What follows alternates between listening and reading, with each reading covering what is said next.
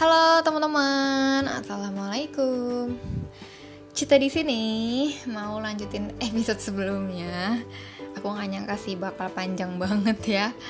Berawal dari iPhone, terus pentingnya punya impian, sampai nih sekarang nih spesial nih beneran deh kali ini bahas duit ya. Cita di sini mau cerita gimana cara nabung sampai akhirnya bisa kebeli barang yang harganya lumayan gitu. Oke, teman-teman, sebelum lanjut pastikan teman-teman udah dengerin episode yang judulnya Cara Ngatur Uang karena berkaitan gitu ya dengan apa yang akan aku ceritakan sekarang. Nah, kali ini aku mau spesifik teman-teman, gimana sih caranya supaya kita tuh bisa beli barang yang nominalnya lumayan gitu ya. Nah, kali ini versi Cita adalah yang pertama, udah pasti nabung ya. Cara nabungnya adalah dengan punya rekening khusus untuk menabung. Jadi, uh, aku punya satu rekening yang itu hanya dipakai untuk nerima bonus atau gaji gitu ya. Jadi itu hanya untuk menerima bonus dan menabung gitu. Untuk operasional sehari-hari pakai rekening yang lain gitu. Jadi aku nyebutnya rekening sibuk ya. Aku punya rekening sibuk yang dipakai nih sebulanan ini untuk bayar ini itu untuk misalnya aku lagi jajan keluar atau misal aku pengen beli-beli apa nah itu di rekening operasional gitu di rekening sibuk. Sedangkan rekening nabung ya udah bener-bener cuma nerima bonus gitu kan uh, awal bulan nerima bonus terus aku udah ngelis nih ya kan pengeluaran bulan ini untuk apa-apa aja totalnya berapa terus berapa rupiah yang harus dipindahin ke rekening sibuk, berapa yang harus ditarik tunai gitu. Nah, itu udah rapi tuh. Jadi awal bulan aku transfer ke rekening sibuk dan aku tarik tunai senilai yang sudah di list. Nah, sisanya biarin di situ gitu. Itu adalah tabungan gitu. Sesimpel itu ya. Gampang kan? Kenapa sih Cita sampai bikin dua rekening? Karena aku tahu kapasitas aku ya teman-teman. Aku nih orangnya gampang pusing. Jadi kalau misalnya cuma pakai satu rekening, itu bakal pusing banget ngaturnya. Dan gatel juga. Apalagi kalau ngelihat sisa saldonya, bah, sisa saldonya masih lumayan banyak. Wah, itu gatel tuh. Kayak ayo deh pakai aja dulu. Ya deh pakai aja dulu, ntar masih ada. Begitu terus sampai 0 rupiah. Nah kan nggak mau dong. Gitu. Makanya uh, aku pakai dua rekening gitu. Dan di rekening sibuk sibuk kan jadinya dan di rekening sibuk itu gimana caranya sebulan segitu ya harus cukup gitu. Jadi berasa kayak bokeh terus gitu loh rasanya kayak aduh tinggal dikit lagi duitnya. Berarti gue harus ngirit-ngirit nih yang gak penting-penting banget itu udah pasti nggak dibeli gitu. Caranya adalah gitu. Karena sulit banget ya ngatur diri sendiri terus mendisiplinkan diri itu juga sulit. Nah makanya cara aku adalah deh mau nggak mau gue harus pakai dua rekening dan rekening tabungan itu aku sengaja nggak pakai m banking. Gitu. Yang pertama aku takut tergoda ya dikit-dikit transfer bayar ini itu check out shopee misalnya atau jajan GoFood gitu kan. Dan yang kedua aku pernah punya uh, pengalaman buruk gitu ya dengan uh, uang gitu. Makanya aku ngerasa dengan aku nggak pakai m banking itu aku harus effort kan. Kalau misalnya mau pakai uang tersebut berarti aku harus ke rekening dulu aku harus keluar rumah. Tuh ngebayanginnya aja udah males tuh. Ya kan? Jadi akhirnya ya udah deh gue nggak usah beli aja gitu ya. Cara termudahnya gitu. Memang sih kalau dipikir-pikir akhirnya berarti uh, keluar biaya admin dua bank dong kak setiap bulan gitu. Jawabannya adalah iya tapi menurut aku itu nggak apa-apa gitu. Dibandingkan dengan kalau misalnya cuma punya satu rekening dan uang yang keluar itu jauh lebih banyak dibandingkan si admin dua bank tersebut gitu. Ya nggak sih? Gitu ya. Itu caraku ya. Mungkin yang lain punya caranya masing-masing gitu. Tapi sejauh ini itu cara ngatur uang yang paling nyaman sih buat aku gitu Nah, terus yang kedua adalah ikut arisan, teman-teman. Jujur ya, Cita tuh ikut arisan. Arisannya bareng uh, kakak-kakak NLC leader beberapa. Dan memang nominalnya lumayan. Ikut arisan ini uh, kalau dikaitkan dengan jemput impian itu jadi lebih terprediksi sih sebenarnya. Karena arisan yang aku ikuti ini uh, sistemnya tuh dikocok di awal. Jadi dari awal dari ronde pertama itu kita udah tahu kita dapatnya bulan apa gitu. Kan kita juga udah tahu tuh ya nominalnya berapa. Nah uh, kayak contohnya aku deh kemarin deh beli iPhone gitu. Uh, jadi dapat arisannya tuh bulan November ya kan? Nah di Dreamboard itu aku juga berani menulis uh, November beli iPhone gitu. Nah tapi kenapa budgetnya aku batasin karena gini loh teman-teman. Ya, kayaknya aku sebutin aja kali ya nominalnya daripada pusing.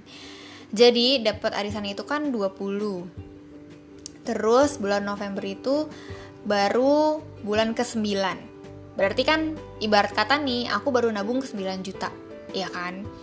Nah prinsip aku ketika dapat arisan adalah aku menghabiskan sesuai dengan nominal yang sudah aku kumpulkan di situ gitu jadi aku nggak mau langsung habis gitu kenapa karena kan bulan-bulan berikutnya aku masih harus bayar lagi gitu. Memang sih ada penghasilan, memang sih ada bonus gitu. Tapi nggak tahu kenapa ya teman-teman kita tuh ngerasa nggak tenang aja gitu. Kalau misalnya harus struggle lagi nih gue bulan depan bayar arisan gimana? Nah itu aku nggak mau tuh. Jadi sengaja budget yang aku pakai yang sesuai dengan hak aku gitu ya istilahnya. Jadi bulan depannya bonus aku gendut alhamdulillah ya kan? Jadi sisa uang arisannya bisa aku pakai. Tapi untuk worst case nya untuk kemungkinan terburuknya gitu aku udah ada cadangan gitu. Jadi nanti aku nggak nunggak nunggak bayar arisan gitu. Kan nggak enak ya jadinya kesannya gimana gitu kan. Terus kita pakai barangnya pun juga nggak tenang nggak happy gitu loh ya jadi intinya memang harus bijak ya teman-teman. Nggak bisa oh dapat duit banyak nih abisin. Nggak bisa gitu gitu. Apalagi aku yakin yang dengerin ini umurnya pasti udah di atas 18 tahun kan udah dewasa gitu ya. Begitu. Jadi cara kita nabung sampai bisa punya nominal yang lumayan dengan dua cara itu teman-teman. Uh, jujur belum investasi lebih tepatnya belum berani sih. Belum berani ya teman-teman. Karena kita punya target sendiri. Uh, nanti kalau bonusnya udah sekian baru berani gitu. Karena investasi itu kan harus pakai uang dingin ya. Ibarat kata tuh uang dingin yang ya itu uang hilang juga nggak apa-apa gitu loh. Bukan nggak apa-apa juga sih tapi lebih ke tanpa uang itu aku masih bisa hidup kok gitu. Nah aku masih belum berani untuk itu begitu. Nah kalau misalnya teman-teman nih udah punya investasi, terus udah paham gimana uh, alurnya, gimana siklusnya, gimana perputarannya, dan teman-teman bisa memprediksi, itu menurut aku lebih oke okay sih sebenarnya, lebih baik gitu. Karena itu kan jadi pasif income gak sih, jadi penghasilan kedua juga gitu ya.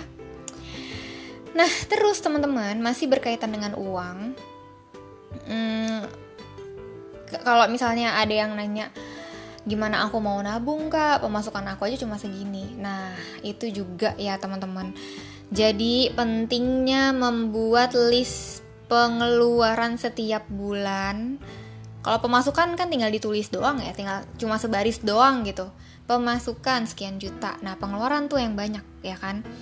Pengeluaran itu teman-teman tuh harus nulis gitu. Kita kita ya aku juga kita tuh harus nulis bener-bener nulis. Jangan cuma bayangan doang. Jangan cuma bayar bayar bayar gitu. Kalau prinsip aku aku harus nulis. Walaupun aku udah tahu dan itu repeat gitu kan. Setiap bulan pengeluarannya itu itu lagi gitu. Tapi aku ngerasa nulis tuh penting banget gitu. Sesimpel misalnya nulis yang pertama uh, ngasih orang tua sekian. Terus uh, bayar adik kuliah sekian. Jajarin adik sekian terus bayar kas sekian, BPJS sekian, kayak gitu-gitu tuh wajib ditulis juga gitu. Karena walaupun kecil-kecil tapi kalau dikumpulin kan jadi banyak ya.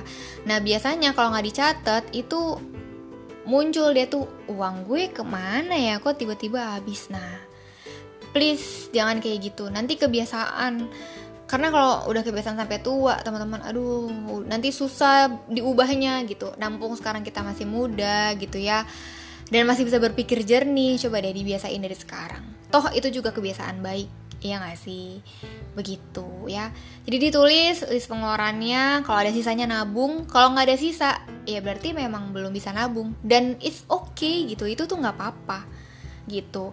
Nah kalau teman-teman bermasalah, terus gimana kak aku buat nabungnya? Gimana aku nggak ada sisanya? Jawabannya tuh cuma satu teman-teman. Kita harus cari sumber pemasukan yang lain. Itu udah harga mati. Karena kalau misalnya demo naik gaji ke kantor itu kan nggak mungkin ya. nggak mungkin gak sih? Kecuali bosnya orang tua kita sendiri gitu. Tapi kalau secara umum itu kan nggak bisa jadi mau nggak mau harus cari sumber pemasukan yang lain gitu ya berarti dengan begitu kita juga harus sadar konsekuensinya jadi double capek kerja dan capek misalnya pemasukan yang lain mau bangun bisnis gitu tapi nggak apa-apa karena kan nanti pemasukannya jadi double juga. Capeknya double pemasukannya double happynya juga double deh. Begitu ya. Nah um, terakhir nggak terakhir sih ini ntar pasti ada ujung yang lagi sih. Yang berikutnya ya teman-teman kalau misalnya ditanya uh, mau beli HP baru nggak? Pasti semuanya mau ya kan? Dan kalau misalnya ditanya semua orang bisa nggak sih kak jemput impiannya? Jawabannya adalah bisa.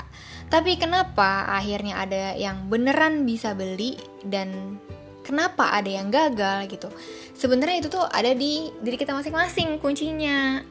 Ada kaitannya dengan episode sebelumnya yaitu soal impian gitu.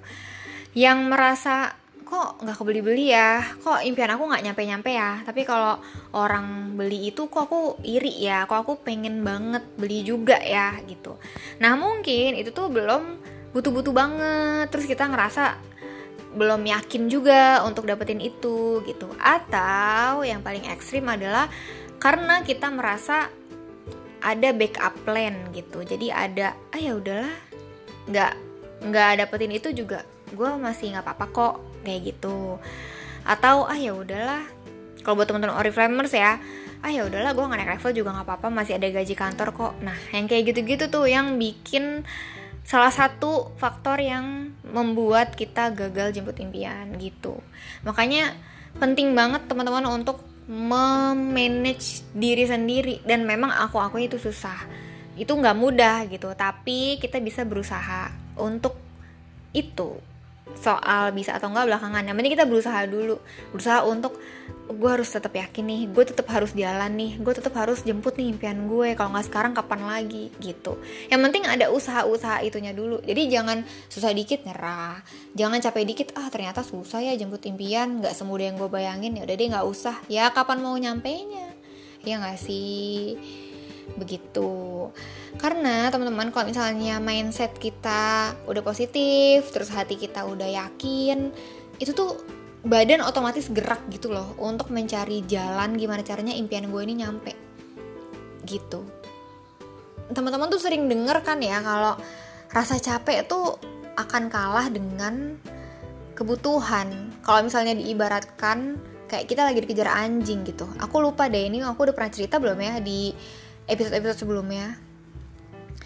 Jadi ngejar impian itu kayak kita dikejar anjing. Kalau misalnya kita lagi jalan terus tiba-tiba ada anjing ngejar kita kita lari nggak sih? Pasti lari kan? Nggak mungkin kita diem aja jalan santai atau tiba-tiba kita duduk. Gitu kan nggak mungkin. Walaupun mungkin orang-orang di sekitar kita bilang nggak usah lari itu anjingnya baik kok. Tapi kita percaya nggak enggak kan? Pasti otomatis akan tetap lari karena kita nggak tahu anjing ini apakah anjing yang baik atau anjing yang galak gitu. Nah sama impian juga seperti itu gitu. Jadi dikejar impian gitu loh teman-teman. Kalau kita udah keburu dikejar impian kita udah keburu aduh gue gak ada waktu lagi nih buat leha-leha itu pasti akan lari. Dan biasanya yang kayak gitu akan lebih cepet nyampe di tujuan akan lebih cepet checklist dream boardnya gitu. Makanya sebenarnya bisa atau enggak itu tergantung dari diri kita masing-masing. Begitu. Apalagi ya? Hmm, itu aja sih kalau dari aku. Cara nabung.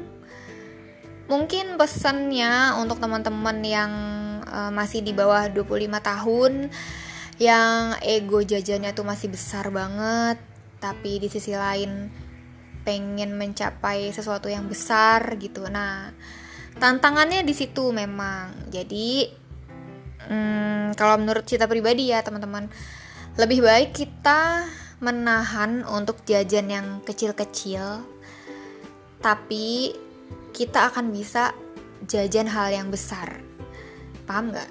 Misalnya nih pengen beli chat time gitu. Misalnya seminggu bisa tiap hari beli chat time. Misal ya uh, coba ditahan deh ditahan terus coba berpikir iya ya kalau misalnya aku ngeluarin uang 30 ribu seminggu udah 7 kali 7 dikali 30 ribu udah 210 210 dikali 4 berarti udah hmm, 840 ribu.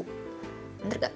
iya bener 840 ribu sebulan. Wah itu kalau misalnya tiga bulan aja udah bisa dua setengah juta kekumpul. Wah lumayan ya aku jadi bisa beli apa gitu misalnya. Nah coba deh teman-teman tuh terapin pemikiran-pemikiran kayak gitu gitu. Ya menurut aku itu cara termudah sebenarnya yang bisa diusahakan.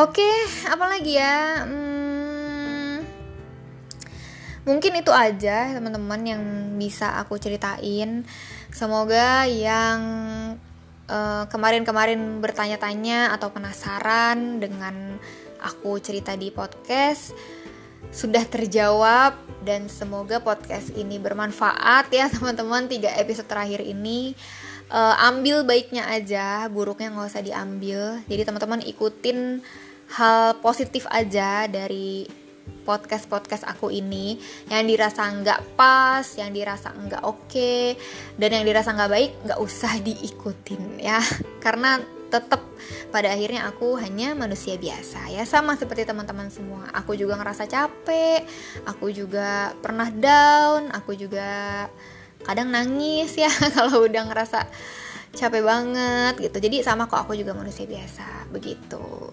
oke sekian dulu teman-teman. Terima kasih banyak yang udah dengerin khususnya tiga episode terakhir. Aku doain semoga uh, kita semua bisa jemput impian 2022 tahun ini. Semua checklist semua checklistnya terdreamboard nggak tuh? Semua dreamnya terchecklist dilancarkan dan Pokoknya bismillah ya 2022 ini tuh jauh-jauh jauh lebih baik dari 2020, 2021 dan tahun-tahun sebelumnya. Oke, terima kasih banyak teman-teman yang sudah mendengarkan. Wassalamualaikum.